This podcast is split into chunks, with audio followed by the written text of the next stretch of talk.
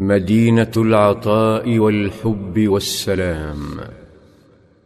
ها هي العشر الأواخر من رمضان تمضي وقد هدأت النفوس بعد أيام دامية مثيرة ليعم سكان الدولة الإسلامية الارتياح رغم الحصار الذي لا يزال مضروبا عليهم من قبل الوثنيين.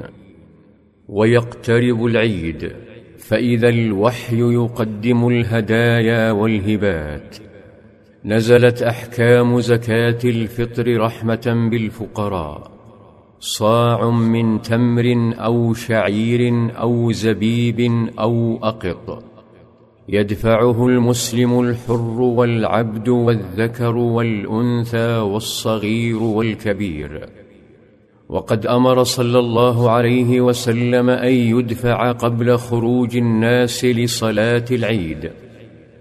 وهذه الزكاة كفارة لكل الصغائر التي اجترحها الصائم في رمضان.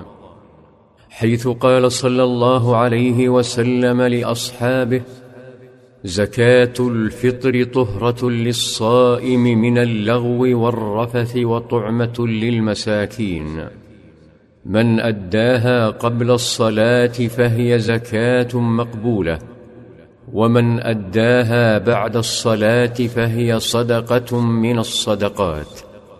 أمرهم صلى الله عليه وسلم بالتبكير في دفعها حتى لا يبقى جائع ذلك اليوم ولكي يشعر الفقراء برباط الأخوة مع الأغنياء.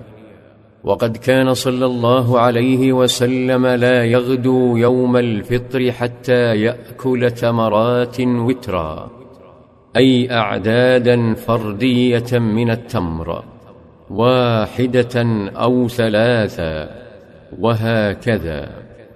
وبعد أن ارتفعت الشمس قليلا أخذ صلى الله عليه وسلم المسلمين والمسلمات إلى الصحراء. ليصلي بهم صلاة العيد دون أذان أو إقامة كما أنه لم يتنفل قبلها ولا بعدها وهي ركعتان كالفجر لكنه كبر في الركعة الأولى سبع تكبيرات ثم قرأ الفاتحة وسورة سبح وفي الركعة الثانية كبر خمس تكبيرات ثم قرأ الفاتحة وسورة الغاشية وبعد الصلاة التفت على الناس وقال إنا نخطب فمن أحب أن يجلس للخطبة فليجلس ومن أحب أن يذهب فليذهب. وبعد الخطبة توالت مظاهر الفرح رغم الأحزان حتى سمع الناس صوت الدفوف في بعض البيوت. كان مجتمعا متالفا متسامحا. زادته الزكاة رحمة وتعاطفا. ظل ذكر الزكاة يشرق كالشمس. حتى لا تكاد تذكر الصلاة إلا وتلازمها الزكاة. لينشئ صلى الله عليه وسلم مجتمعا لا ينسى فقراءه ولا يهمشهم. في تلاحم أغاض قلوبا سوداء يقتلها الحقد وهي تفتش كتابها المقدس. فترى بين كلماته ووعوده صفات لا تنطبق إلا على محمد.